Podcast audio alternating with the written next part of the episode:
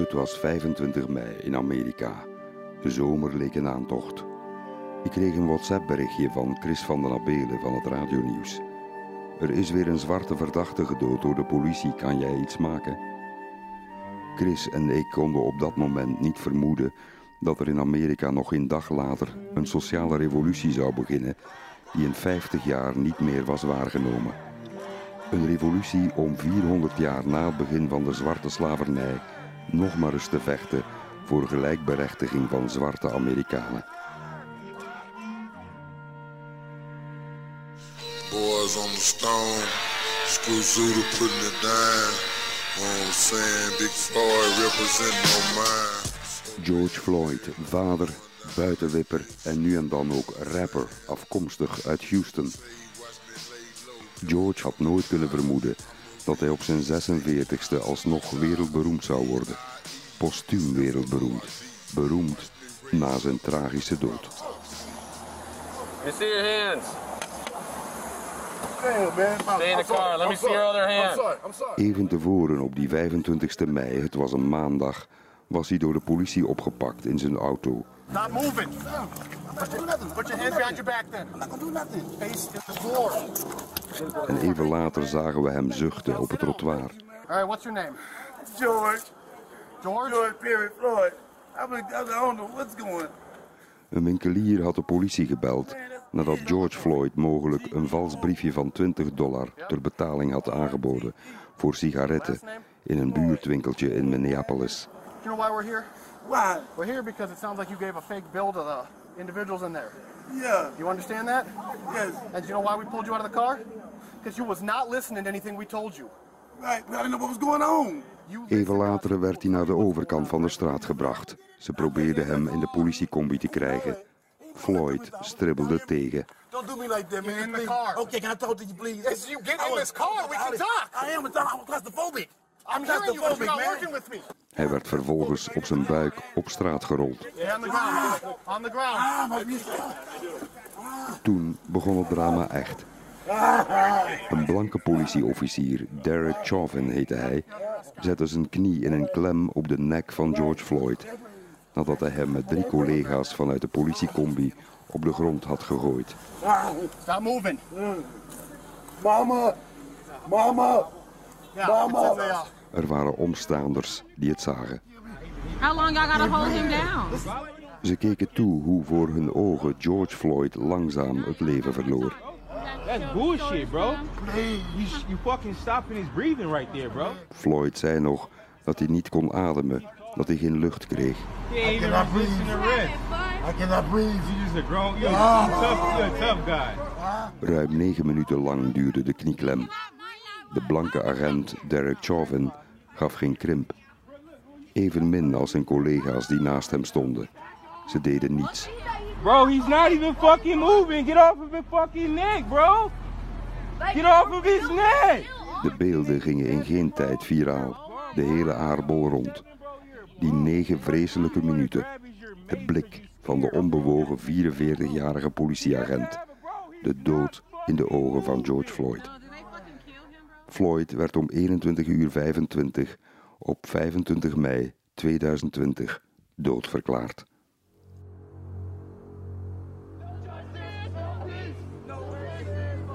De dag erop barsten de protesten tegen politiebrutaliteit en systemisch racisme in Minneapolis los. In de dagen die zouden volgen braken demonstraties los in wel 150 Amerikaanse steden. De wereld was geschokt. Over de beelden bestond weinig verwarring. De negen minuten waren pijnlijk lang om naar te kijken. Het was moord in slow motion.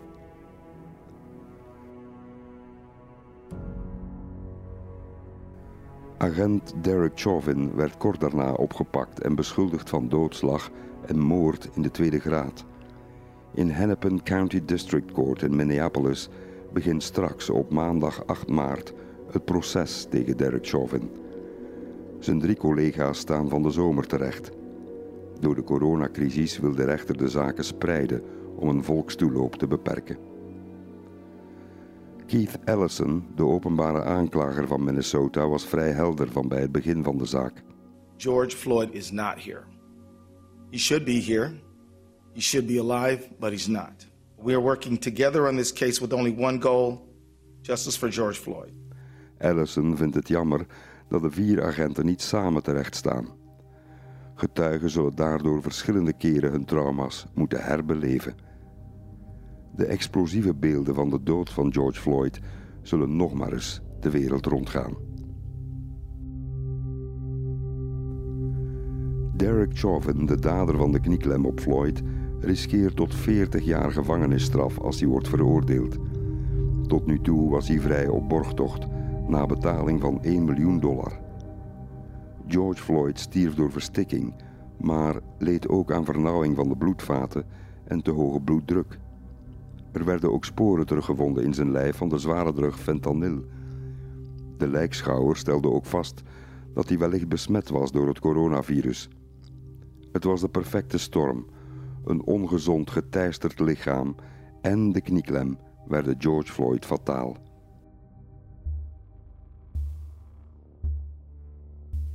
De burgemeester van Minneapolis, de democraat Jacob Frey, was geschokt toen hij het oorspronkelijke politieverslag las. Medisch incident stond er.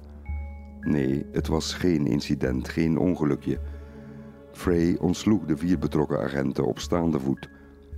What we saw was horrible. Completely and utterly messed up. Being black in America should not be a death sentence. Ook de familieleden van George Floyd reageerden. Um, we want to see them arrested. We want to see them charged. We want to see them convicted for what they did. He did not deserve what happened to him. Zij noemde de aanklacht wegens moord tegen de agenten terecht, maar een veel te late stap in de route naar gerechtigheid. Een maand later zou de familie een rechtszaak beginnen tegen de stad Minneapolis en de politiemannen. Chaos and destruction in Minneapolis tonight as police officers and protesters clash over a man's death. De nacht van de 26e mei brak de hel los in Minneapolis. A much smaller group than the initial protests started vandalizing the building, shattering a window, spray painting squad cars and the side of the building. Officers then showed up in riot gear and started firing tear gas and flashbangs, which you can hear going off right now. Gebouwen vlogen in brand, politiekantoren gingen de fik in. Overal was er traangas en er werden rubberen kogels afgevuurd op de menigte. Op de televisie en op sociale media gingen de dagen nadien al snel beelden rond van brandstichtingen, van plunderingen en vandalisme. Op 29 mei noemde de gouverneur van Minnesota, Tim Walz, de toestand een absolute chaos. The situation is incredibly dangerous. Absolute chaos. This is not grieving. De schade en de vernietiging in Minneapolis waren groot. Op een strook van zo'n 7 kilometer lang waren onvoorstelbare vernielingen aangericht. Het was van 1992 geleden in Los Angeles toen dat nog zo'n destructie was aangericht door rellen in een Amerikaanse grootstad. De protesten verspreidden zich als een snel uitslaande brand over het hele land. George Floyd werd een kantelpunt.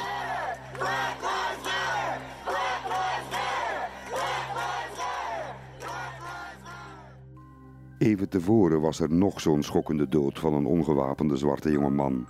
Ahmaud Arbery. Tonight, video has surfaced of an African American man being chased down and killed.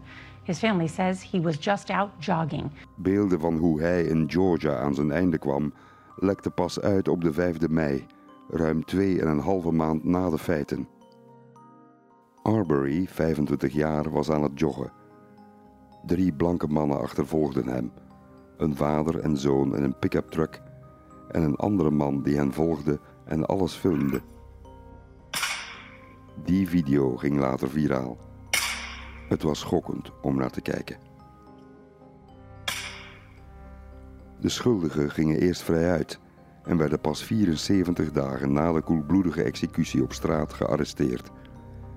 Toen Arbery lag dood te gaan midden op straat, riep Travis McMichael nog: Fucking nigger. Ahmaud Arbery stierf door drie schotwonden. Een terechtstelling op straat, omdat hij zwart was, wellicht.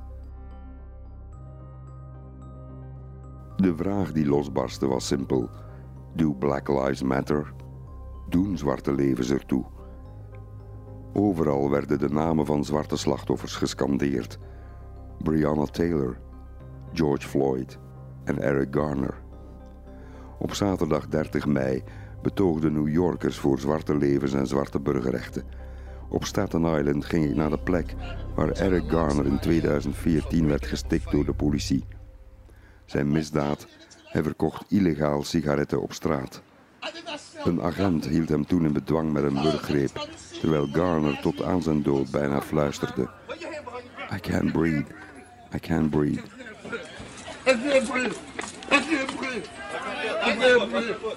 Bijna zeven jaar later gebeurt het nog steeds. De kans voor een zwarte verdachte om te sterven door politiegeweld is dubbel zo groot als bij een witte Amerikaan.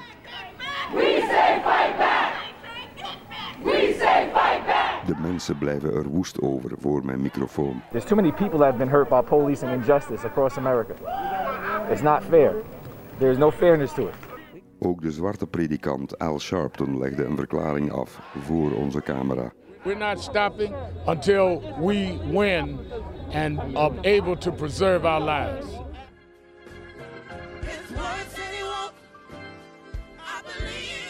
George Floyds begrafenis, een dag of tien later, op 9 juni, kreeg de aandacht van de hele wereld. Met een vlammende toespraak, alweer van Reverend Al Sharpton. George Floyd's story has been the story of black folks. Because ever since 401 years ago, the reason we could never be who we wanted and dreamed to be in is you kept your knee on our neck.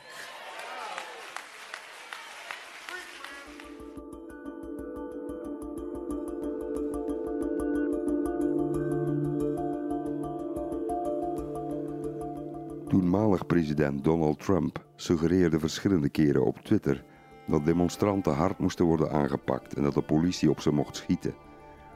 These thugs are dishonoring the memory of George Floyd. I won't let it happen. When the looting starts, the shooting starts, schreef hij. Thank you. Het is olie op het vuur. Vanaf dan zullen meer dan 100 dagen lang protesten worden gehouden. Black Lives Matter! Black Lives Matter! Black Lives Matter! Black Lives Matter! Ik zie opvallend veel witte betogers, jonge mensen vaak, die Amerika willen zien veranderen en wel nu. Op zondagavond zijn ze met veel in Brooklyn, New York. In hun deurgat zie ik oudere New Yorkers staan applaudisseren. Uit politiedocumenten blijkt intussen dat Derek Chauvin tijdens zeven voorgaande arrestaties ook al knieklemmen had gebruikt om arrestanten te bedwingen. Chauvins gedrag was duidelijk een patroon.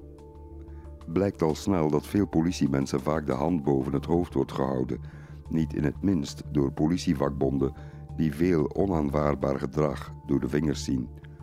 De meeste agenten gaan bijna altijd vrij uit. All mayors and police chiefs around the country need to look into disciplinary records of cops.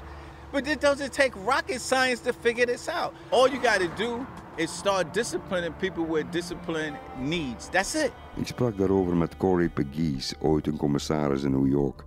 Pegues weet dat de rotte appelen geregeld blijven zitten in de politie van New York, waar hij leiding gaf. One of the problems in policing is everybody want to go along and get along. Voor Pegues is het duidelijk dat de politie in de VS vaak racistisch is. I've experienced that in black and brown communities, police hunt. And that's how people feel in the black and brown community that the police are hunting them. You know that there's going to be racism in policing because America is, is racist. It's racism in America. De volgende anekdote is veelzeggend. Nadat in 1990 de eerste zwarte burgemeester werd verkozen in New York, David Dinkins, protesteerden meer dan 4000 New Yorkse politieagenten op een gewelddadige manier. Thousands of cops stormed through the barricades and ran on top of cars as they charged the stairs of City Hall. Dat was in 1992, nadat de zwarte burgemeester had voorgesteld een onafhankelijke commissie op te richten die klachten tegen de politie kon behandelen. Ze blokkeerden uit protest onder meer het verkeer op de Brooklyn Bridge. De officieren kregen ook toen al de steun van hun vakbond tegen de zwarte burgemeester. En ze werden aangemoedigd door openbaar aanklager Rudy Giuliani, die later zelf de burgemeester van New York zou worden. The reason the morale of the police department of the city of New York is so low is one reason and one reason alone. David Jenkins! Het was een racistisch protest. De agenten droegen galgenknopen bij zich en racistische kentekens. Zwarte en bruine politieagenten die zich roerden werden geviseerd. Die racistische cultuur is er nog steeds, ook al is nog maar 47% van de 35.000 New Yorkse agenten blank en 53% heeft een kleur. Burgemeester Bloomberg zou vanaf 2002 een beleid invoeren van stop en frisk. Wie een kleur had, werd al snel als een verdachte beschouwd door de politie en gecontroleerd. Later, als kandidaat-president, kreeg Bloomberg spijt van dat beleid. I didn't understand that back then, the full impact that stops were having on the black and Latino communities.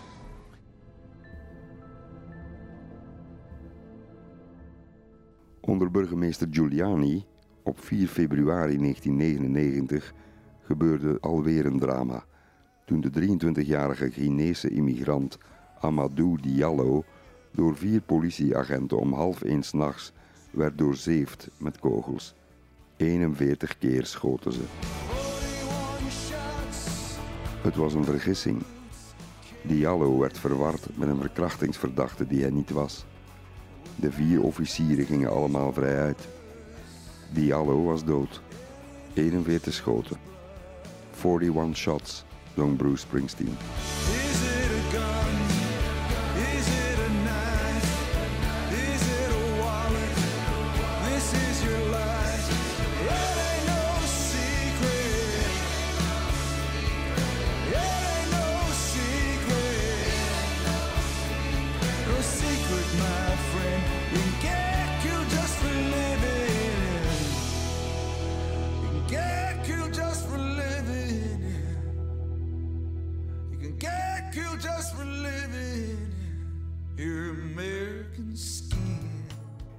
Get killed just for living in your American skin.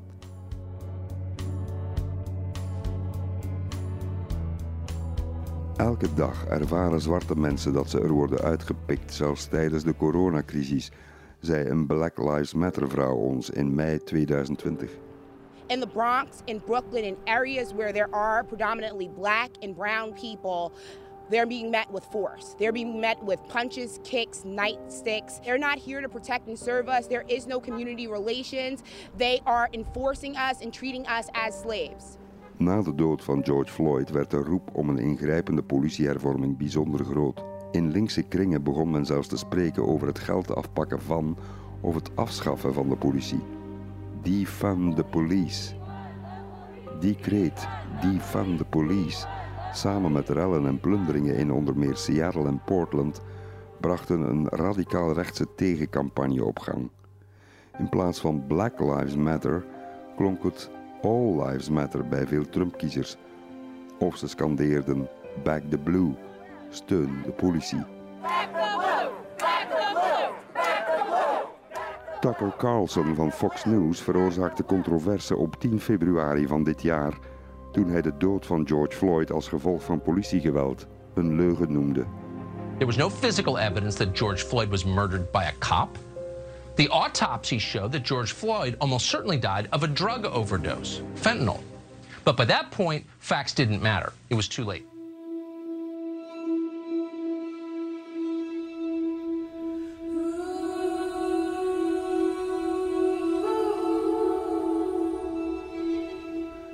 Dood van George Floyd heeft de wonden van eeuwenlang Amerikaans racisme opengereten.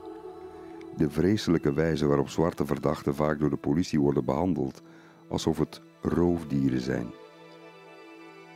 Denk aan het tragische voorval, ook al in Minnesota, met Philando Castile. Het was 7 juli 2016. Bij een verkeerscontrole werd hij doodgeschoten terwijl hij zijn papieren wilde tonen. Have to tell you, I do have a Okay. firearm Okay. on me. I Don't do- reach for it then. I'm, I'm, Don't pull it out. I'm, I'm pulling it out. Don't pull it out. Zijn vriendin filmde het dodelijke incident met haar smartphone. He had you told him to get his ID, sir, and his driver's license. Oh my God, please don't tell me he's dead. Achteraan zat haar jonge dochtertje stilletjes toe te kijken. It's okay, I'm right here with you.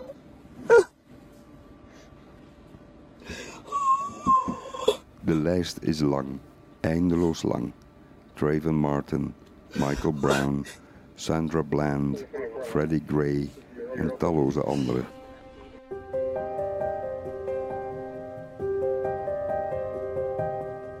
Deze crisis was dus verre van nieuw en er verandert zo weinig. Maar met George Floyd leek het breekpunt bereikt. De dam brak. Nu zou het allemaal gaan veranderen.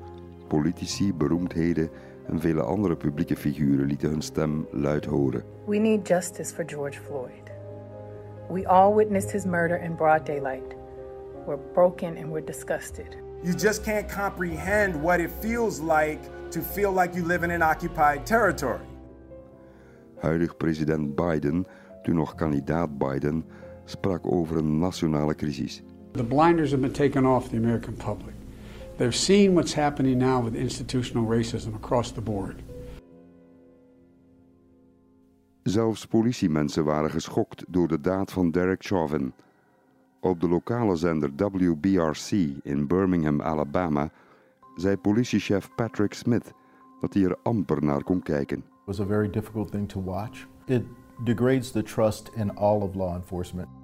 Maar het vreedzame protest in 90% van de gevallen werd politiek gekaapt door Trump en zijn acolyten, die de brave burgers in de buitenwijken bang maakten met de hulp van radicaal rechtse media als Fox voor de bandeloze plunderaars, brandstichters en de anarchisten van het mythische Antifa. Our nation has been gripped by professional anarchists, violent mobs, arsonists, looters, criminals, rioters, Antifa, and others. Op vele plekken werd de nationale garde ingezet. Ook door de president zelf, Donald Trump, die een betoging uit elkaar liet kloppen om even later te staan zwaaien met een Bijbel aan het Witte Huis. We have a great country. That's my thoughts. It'll be greater than ever before.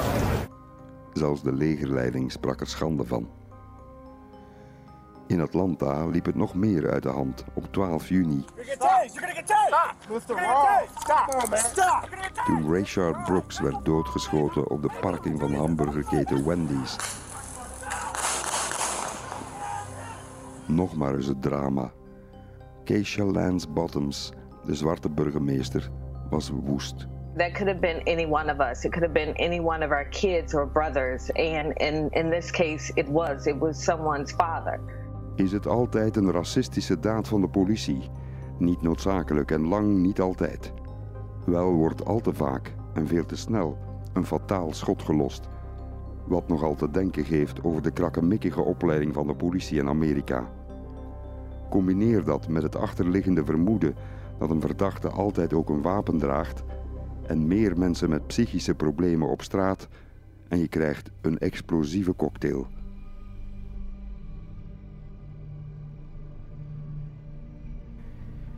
In die woelige zomer van 2020 nog een drama, dit keer in Kenosha, Wisconsin. Op 24 augustus loopt Jacob Blake naar zijn auto op de hielen gezeten door politiemannen. Op het ogenblik dat hij in zijn auto wil stappen en naar iets wil grijpen, mogelijk een mes, schiet de politie hem zeven keer in de rug. Zeven keer. Drie van Blake's zoons zaten toe te kijken in de auto. Blake overleefde de zeven schoten, maar is levenslang vanaf zijn middel verlamd. De agent die de schoten afvuurde ging andermaal vrij uit. Ook in Kenosha braken rellen en onrust uit. Veel winkelpanden gingen in vlammen op. Donald Trump ging begin september op bezoek tussen de puinhopen in Kenosha. Voor- en tegenstanders van de president stonden hem op te wachten. he keep his disrespect, his foul language far away from our family. We need a president that's going to unite our country and take us in a different direction. De burgemeester van de stad had Trump vooraf gesmeekt om niet langs te komen en geen olie op het vuur te gooien. Voor Trump was het helder. Het geweld was door de Democraten opgestookt. Op 1 september ging het in Kenosha goed mis toen een 17-jarige militant burgerwacht naar de stad kwam met zijn semi-automatische geweer. Hij kwam om winkels te beschermen. People are getting injured, and our job is to protect this business, and part of my job is also. Hij raakte in conflict met betogers van Black Lives Matter, BLM, en schoot twee van hen dood. De wereld leerde de 17-jarige Kyle Rittenhouse kennen. En er bleven nog meer verontrustende video's opduiken in de media en op het internet. Zoals die van enkele politieofficieren die een 75-jarige man op de grond kwakten en gewoon doorliepen terwijl hij uit zijn hoofd lag te bloeden in Buffalo, New York. Later werden ook zij niet vervolgd. Ik hoorde een deel van de publieke opinie roepen en stellig beweren dat veel van die zwarte verdachten hun dood eigenlijk best wel verdienden. Ze hadden zich toch verzet bij een arrestatie? Het waren toch zeker maar ex-dieven of aanranders, overvallers, rovers of mogelijke verkrachters? Moest de politie daar medelijden mee hebben misschien? Voor sommigen lijkt justitie op standrechtelijke executie op straat, op bloedwraak.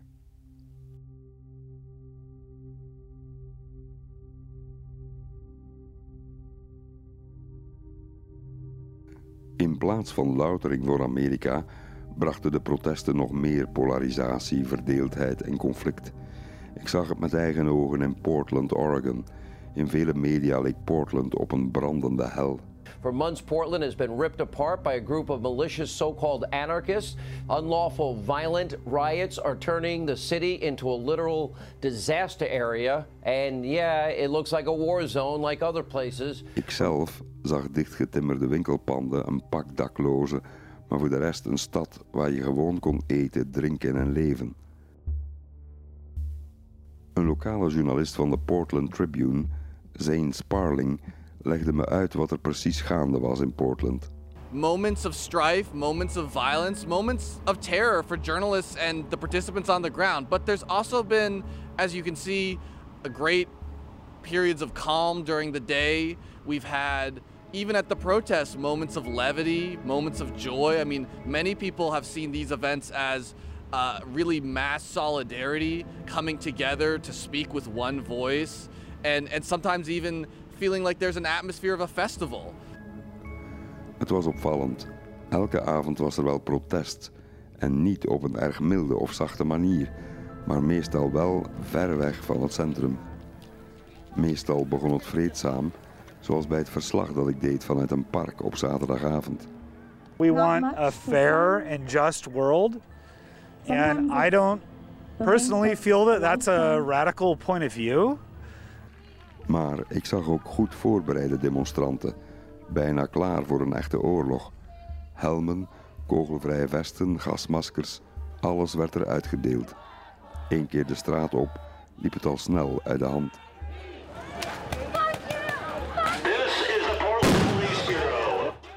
De politie chargeerde. Zelf werd ik bevangen door traangas. Als verslaggever liep ik zelf voor de eerste keer rond met kogelvrij vest en helm. Niet normaal eigenlijk. Een waarlijk grimmige toestand. Is dit Amerika? Ja, dit is nu Amerika. Twee groepen Amerikanen stonden onbegrijpend tegenover elkaar. Aan de rechterzijde de Trump-aanhangers die vonden dat het land al in oorlog was. Zoals Chester Doles voor de microfoon zei, een ex-neonazi van de American Patriots USA. We, we're on the verge of communist nation, and Portland's the epicenter of probably the second American Revolution. We're definitely in a civil war. We done got past the beginning of it. We're in it. We're in it. Cameraman Daan en ik reden een dag of zo later tussen de beginnende bosbranden in de regio naar Salem, de bestuurlijke hoofdstad van Oregon. Daar was het ook best grimmig. Rechtse militieleden van de Proud Boys plakten hun autonummerplaten af om anoniem te blijven en gingen sommige Black Lives Matter betogers te lijf met honkbalknuppels.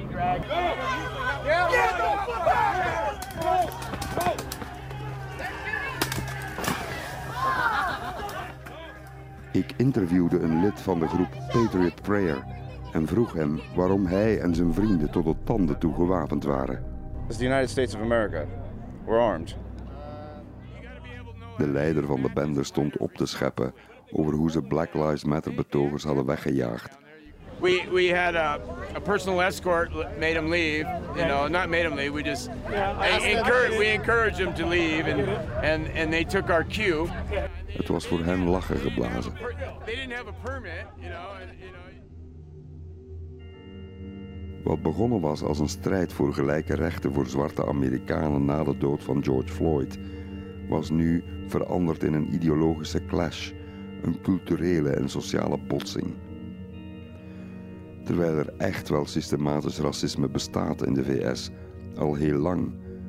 Amerika is nog niet klaar met zijn zwarte bladzijden.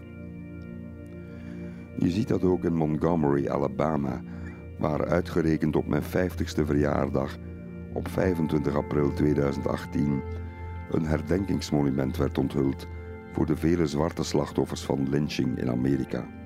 We gather to remember all those whose names are known. But we also gather to remember those whose names are known only by their God. Het nationale monument voor vrede en gerechtigheid is opgedragen aan alle slachtoffers van de blanke suprematie in de VS. Duizenden zwarte Amerikanen werden gelyncht. Billie Holiday zong erover in het prachtige en krachtige nummer Strange Fruit. Blood on the leaves and blood at the road. Black bodies swinging in the southern breeze. Strange fruit hanging from the poplar trees.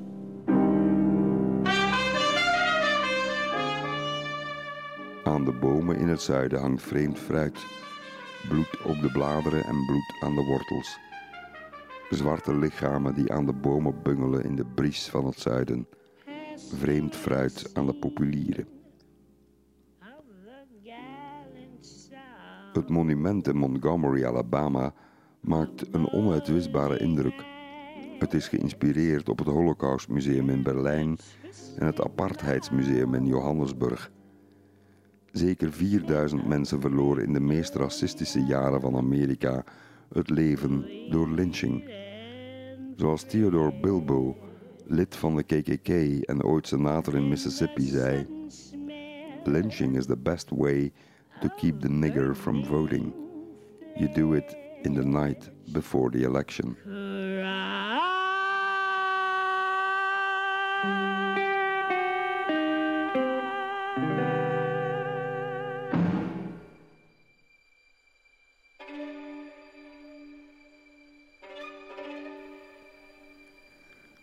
Dit is de realiteit vandaag. De zwarte ghetto's bestaan nog altijd. Ik zag ze ook in Chicago, in het zuiden van de stad, waar het geweld in die wijken een manier is om om te gaan, om te dealen met de grimmige realiteit. Bullets flying everywhere, you know. People just don't care no more who they shoot. Specifically in Chicago, there has been neighborhoods that are not connected to resources as others are. So uh, this trauma has led to lots of disinvestment and a lot of oppression. And oppression and poverty brings about violence. Ik hoorde een Vlaamse economische vertegenwoordiger afgelopen zomer tegen me zeggen: Maar Björn, het racisme bestaat niet meer. Het is afgeschaft met de burgerrechtenwetten in 1964 en 65 van Lyndon Baines Johnson. Amahula, het racisme bestaat natuurlijk wel. Wie dat niet wil zien, is doof en stekenblind. Het is waar, er staan geen borden meer voor de huizen waarop staat whites only. Maar de inkomenskloof met witte Amerikanen die is nog altijd levensgroot. De werkloosheid is dubbel zo hoog in zwart Amerika. Er is discriminatie op de huizenmarkt, op de arbeidsmarkt en er is segregatie in het onderwijs. Als je zwart bent, word je sneller door de politie tegengehouden en verdacht gevonden. Dat is een feit. De ongelijkheid zit in zoveel aspecten van de Amerikaanse samenleving. Zelfs het coronavirus maakte proportioneel meer zwarte en gekleurde slachtoffers. Veel zwarten willen zich niet laten vaccineren, omdat ze de overheid niet vertrouwen na het schandelijke Tuskegee-experiment van 1932 tot 1972.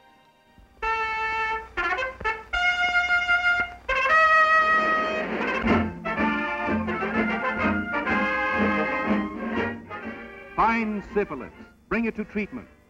That is the story of control. The treatment renders the patient non-infectious, stops the spread of the disease through the community. Zo'n 600 zwarte Amerikanen werd medische hulp ontzegd in dat experiment in Alabama, dat wilde onderzoeken hoe de geslachtsziekte syfilis verliep. 400 van de 600 deelnemers aan het experiment hadden effectief de ziekte, maar behalve wat gratis maaltijden kregen ze geen behandeling, terwijl vanaf midden jaren 40 penicilline de ziekte nogthans kon genezen. Ze kregen niets. Pas in 1972 kwam het schandalige verhaal over de proefkonijnen via AP naar buiten en een schaderegeling van 10 miljoen dollar werd getroffen voor de overlevenden en hun familieleden. Geen wonder dat zwarte Amerikanen gratis vaccins van de overheid niet vertrouwen. De Amerikaanse overheid had niet altijd het beste voor met zwarte Amerikanen. De geschiedenis van de VS is gedrenkt in haat tegen zwarten. In de jaren 60 explodeerde het ook. Vele zwarte leiders werden vermoord: Malcolm X, Martin Luther King Jr. en Medgar Evers in Jackson, Mississippi.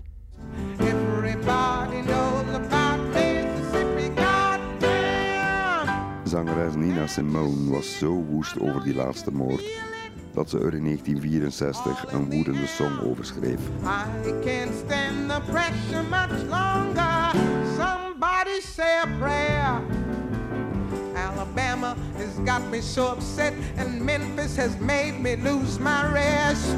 Everybody knows about Mississippi Mississippi, goddamn. Een ziedende aanklacht tegen het onrecht in het zuiden. Die aanklacht is niet opgelost in 2021.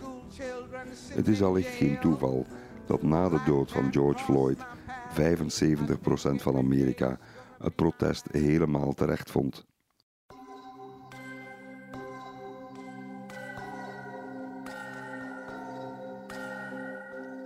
Wat Derek Chauvin deed met zijn knieklem staat symbool voor decennia lange problemen van racisme en achterstelling van gekleurde burgers in de VS.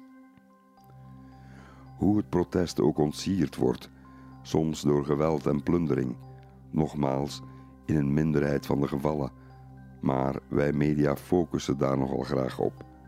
Mea culpa vanuit mijn beroepsgroep, het spijt me. Het protest wordt echt wel breed gedragen door alle Amerikanen. Ooit was dat anders. Martin Luther King vond dat een probleem. De burgerrechtenleider zei: Het ergste zijn misschien niet de kwaadaardige mensen die openlijk hun racistische gif spuwen. Het zijn de akelig stille mensen die het meeste schade aanrichten. De zogezegd brave burgers. De koude onverschilligen die hun mond niet opentrekken wanneer dat zou moeten. It is an unhappy truth that racism is a way of life the vast majority of white Americans. Vandaag lijkt iedereen zijn mond open te trekken. Dat op zich al is een soort George Floyd-revolutie. James Baldwin, de beroemde zwarte schrijver uit New York, zei het heel scherp. The story of the Negro in America is the story of America. It's not a pretty story. Vroegere zwarte onrust ging altijd gepaard met rellen, brandstichting of plundering. De woede leek niet in te tomen of in te dammen. Dat werd overigens vroeger ook helemaal normaal gevonden, een bijverschijnsel van ontembare boosheid. Zoals Martin Luther King het zei: a riot is the language of the unheard. Op 28 augustus kreeg de hoop en de woede een luide stem aan het Lincoln Monument in Washington, D.C. Tienduizenden kwamen exact 57 jaar na Martin Luther Kings beroemde mars en speech vreedzaam samen. Het was een bloedhete dag. De vele enthousiaste aanwezigen waren helder voor onze microfoon. They talked about it since 1950s, the 40s, the 30s, the 20s. We're still talking about it. It's 2020. What needs to happen is actual change.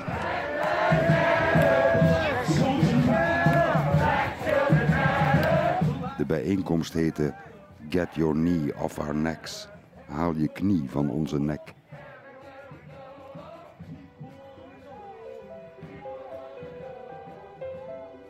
De tolerantie voor alle vormen van schade bij protesten lijkt in deze tijd tot nul gereduceerd. Politici, politieke wetenschappers en grote delen van het publiek spreken er schande van. In Vlaanderen sprak de jonge voorzitter van de socialisten Conor Rousseau zelfs over stukjes krapul toen er geruild werd na een vreedzame optocht voor zwarte rechten. Mag je ook protesteren op een minder vreedzame manier? Mag je geweld gebruiken als niemand naar je luistert? Een betoogster antwoordde mij in Portland. I think if you're not angry, you're not paying attention. You know, there's a lot to be angry about. There is a system that is failing a greatest portion of its population. Dit is de redenering.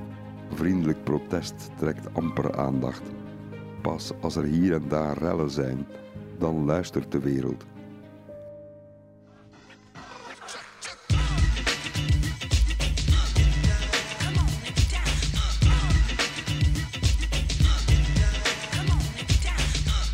Spike Lee wijde er 30 jaar geleden al een hele film aan.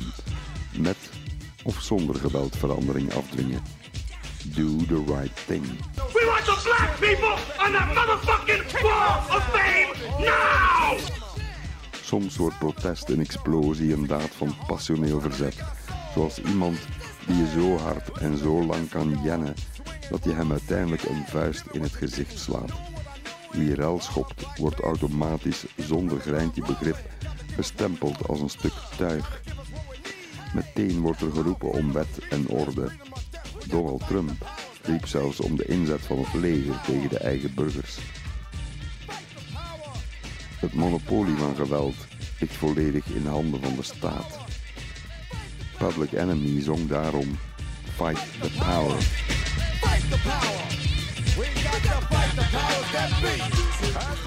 Er kwam nog meer kritiek. Massademonstraties in tijden van COVID-19? Onverantwoord, klonk het uit verschillende hoeken. It's a legitimate concern when you look at the pictures and consider there is virtually no social distancing and very few people are wearing masks. Add to that smoke from fires and tear gas, which makes people cough. You've got a deadly recipe there for possible new infections. Iemand muntte de term geraniummoralisme. Angst voor corona wordt omgeturnd in morele superioriteit van de thuisblijvers. Betogende, geëngageerde jongeren werden beschimd omdat ze hun stem lieten horen over een onderwerp waar elk normaal mens achter kan staan. Sociale revoluties houden geen rekening met virussen. Helaas, omgekeerd ook niet. Voor Amerika is het zeer pijnlijk om door George Floyd en al die anderen opnieuw te worden geconfronteerd met de schandvlekken van een erfzonde, die van de slavernij en segregatie. De dood van George Floyd toont aan dat de kwestie nooit is opgelost. Intussen heerst hypocrisie. Amerika is het land van de lekker klinkende PR. Grote bedrijven springen na de tragische dood van George Floyd plotseling in de bres tegen racisme en discriminatie. Zoals in deze commercial van Sprite. Black America's dream is the real American dream because it means everyone has a chance to succeed. Holle woorden die werden ondergraven door hun acties op het veld. Amazon bijvoorbeeld riep op om een eind te maken aan de onrechtvaardige behandeling van zwarte Amerikanen. Nochtans staat de distributiereus bekend om zijn moeilijke werkomstandigheden, speciaal bij laag betaalde zwarte personeelsleden in de pakhuizen. Amazon ontsloeg Christian Smalls, een zwarte werknemer in de opslagplaats van Amazon op Staten Island, New York. Hij vroeg veiliger werkomstandigheden tijdens de pandemie. I'm being the voice of the people that are afraid to speak up. I'm taking a stance against the company. Prompt werd hij aan de deur gezet. De baas van de NFL, het American Football, Roger Goodell, verklaarde: Bij de NFL begrijpen we de woede, de pijn en de frustratie. In de praktijk dreigde die NFL daarvoor al om spelers te straffen als ze zouden blijven knielen tijdens het volkslied uit protest tegen de politiebrutaliteit op zwarte Amerikanen.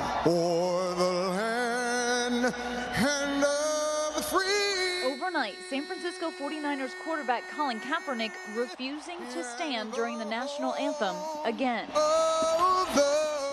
De sportman die dat protest begon, Colin Kaepernick, kreeg nergens nog een nieuw contract aangeboden.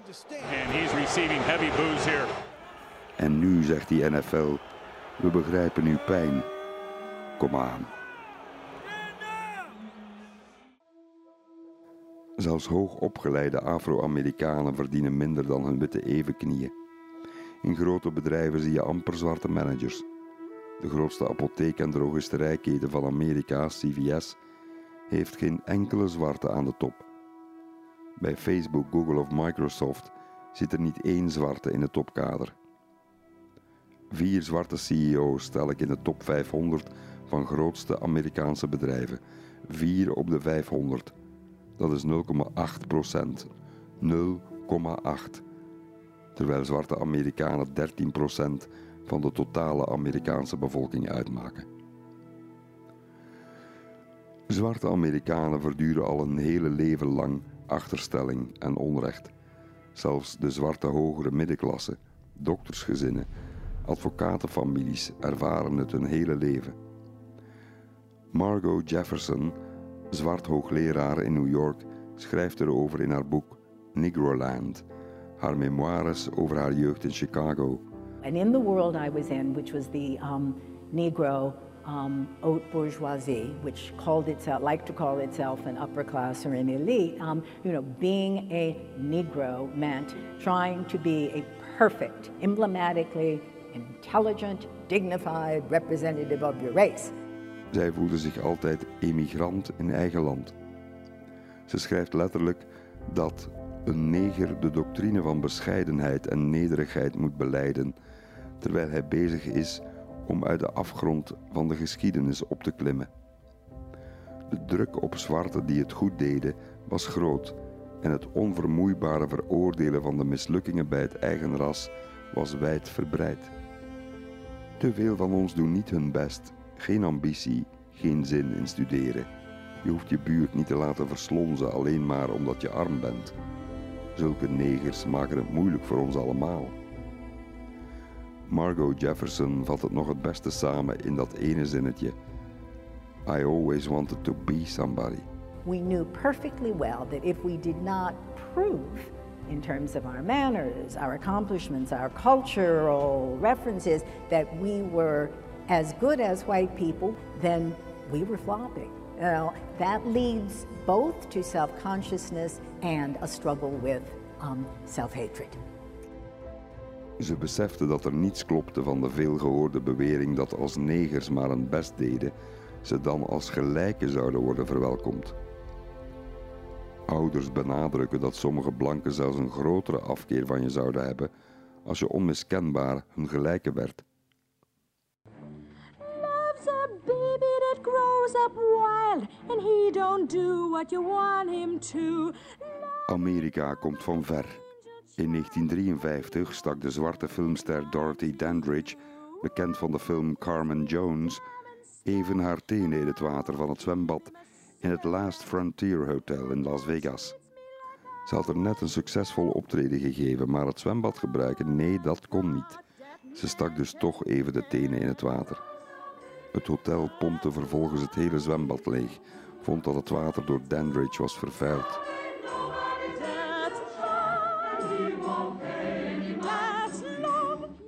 In Pittsburgh stond in 1962 nog een bord voor het openbare zwembad.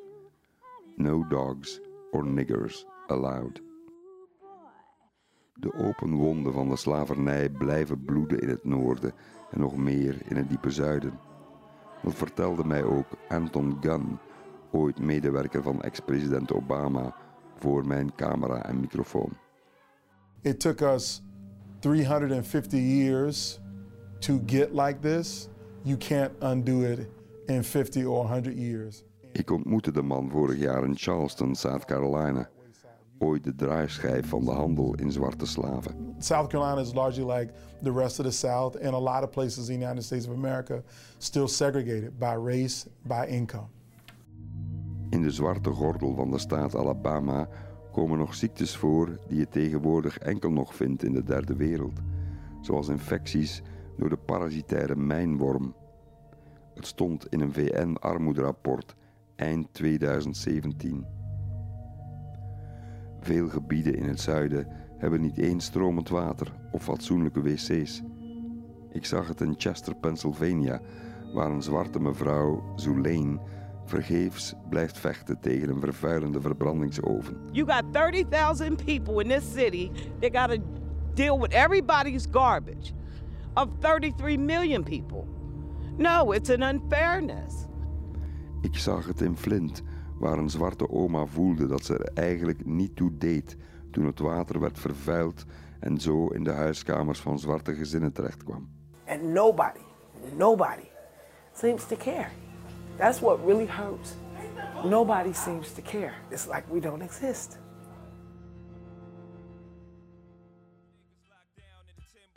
Ik leef in een buurt waar ongeveer de helft van de mensen zwart is, waar Jay-Z en Biggie Smalls, de rappers, opgroeiden.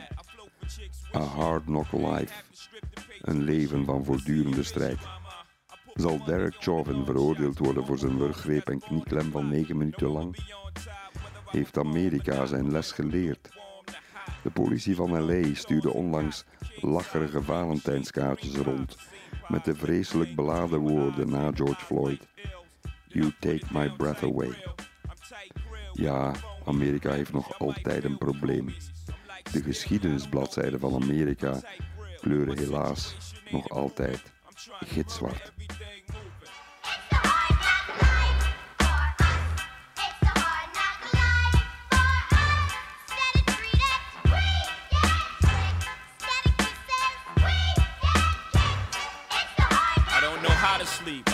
I stay on my toes. Got a lot of beef, so logically, I pray on my foes. Hustler's still inside of me. And as far as progress, you be hard pressed to find another rapper hot as me. I gave you prophecy on my first joint, and y'all all lamed out. Didn't really appreciate it till the second one came out. So I stretched the game out, your name out, put Jigger on top, and drop albums non-stop for ya, nigga.